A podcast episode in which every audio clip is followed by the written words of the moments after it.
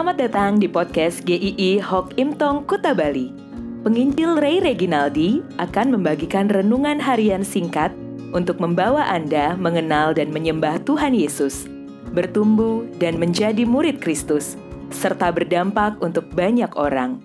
Jika Anda merasa diberkati melalui renungan ini, silahkan bagikan podcast ini agar orang lain juga diberkati. Inilah renungan hari ini.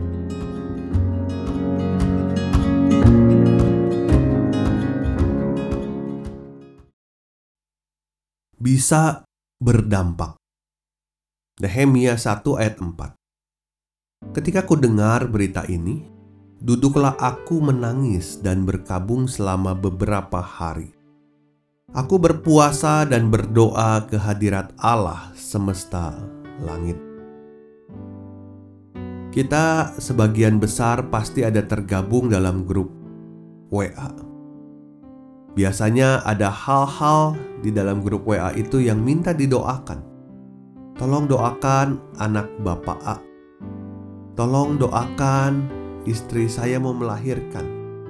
Tolong doakan teman saya mau sidang skripsi. Tolong doakan pekerjaan saya. Dan masih banyak permintaan tolong didoakan dari saudara-saudara seiman yang sedang kesulitan Respon biasa yang muncul adalah emotikon kedua telapak tangan yang disatukan atau yang dimengerti sebagai emotikon terima kasih, tapi juga emotikon ikut berdoa.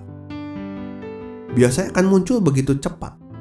Namun yang menjadi pertanyaan adalah, apakah sungguh kita mendoakan atau hanya emotikonnya yang berdoa? Penting sekali bagi setiap kita untuk mendukung di dalam doa dan perbuatan untuk orang-orang yang sedang dilanda kesulitan, termasuk saudara-saudara seiman kita. Nehemia mendapat kabar yang tidak mengenakan. Dikatakan dalam firman Tuhan, orang-orang yang masih tinggal di daerah sana, di Yerusalem, yang terhindar dari penawanan ada dalam kesukaran besar dan dalam keadaan tercela. Tembok Yerusalem telah terbongkar dan pintu-pintu gerbangnya telah terbakar. Orang-orang Israel tidak ada di dalam yang tidak ada di dalam pembuangan, ternyata kehidupan mereka sangat menyedihkan, memalukan. Tembok-tembok dan pintu-pintu gerbangnya hancur. Bangsa itu menjadi cemoohan bagi bangsa lain. Tidak memiliki martabat lagi sebagai bangsa. Bangsa-bangsa lain dengan bebas memasuki wilayah mereka. Kesulitan lain adalah kesulitan ekonomi dalam Nehemia 5 ayat 2 sampai 5. Demi mendapatkan makanan atau gandum, mereka harus menggadaikan ladangnya, kebun juga rumahnya. Ada pajak yang berat menekan mereka. Bahkan mereka harus merelakan anak-anak mereka menjadi budak demi bertahan hidup. Hidup yang sengsara, tidak berdaya, masa depan suram. Itu yang terjadi pada saudara-saudara sebangsa dari Nehemia. Nehemia bisa saja tidak peduli memikirkan diri sendiri, dia sudah nyaman.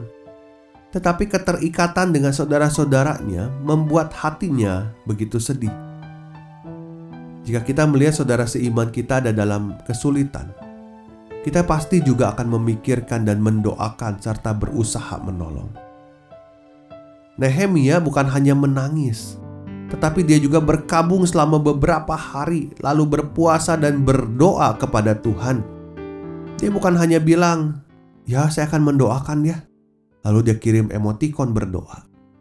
Tetapi dia sungguh-sungguh bergumul apa yang harus dilakukan dan memohon belas kasihan Tuhan untuk bangsa Israel. Saat Nehemia mengatakan, "Duduklah aku menangis dan berkabung selama beberapa hari." Kata duduk di sana bukan diartikan perubahan posisi dari berdiri menjadi duduk. Duduk dalam bahasa aslinya adalah sama seperti sabat, yaitu ketika Tuhan berhenti di hari ketujuh untuk beristirahat pada penciptaannya. Jadi ada masa-masa khusus di mana Nehemia benar-benar berdiam diri di hadapan Tuhan. Dia bergumul merenungkan bersama Tuhan untuk bangsanya. Nehemia tidak tenang ketika bangsanya ada dalam pergumulan dan dia tidak berbuat apa pun.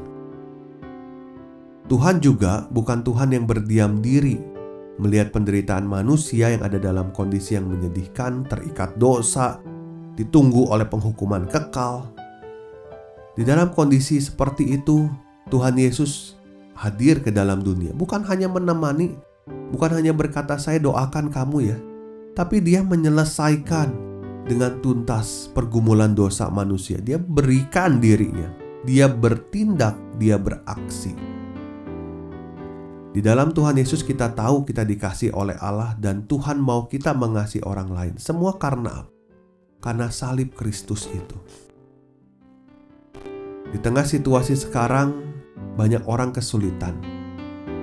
Kita dipanggil juga untuk mendukung mereka. Bukan hanya berkata kasihan ya, tapi dukung mereka dalam doa. Mohon hikmat Tuhan untuk mengambil tindakan yang perlu yang Tuhan kehendaki. Mungkin kita ada yang dalam keadaan baik-baik saja.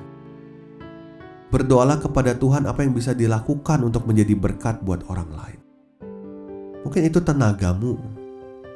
Mungkin itu uangmu. Mungkin itu juga pemikiranmu. Mungkin kita bisa menemani mereka yang sedang terpuruk. Ingatkanlah kepada mereka yang sedang hidup dalam kesulitan ketidakpastian bahwa ada satu kepastian yaitu Tuhan Yesus sendiri.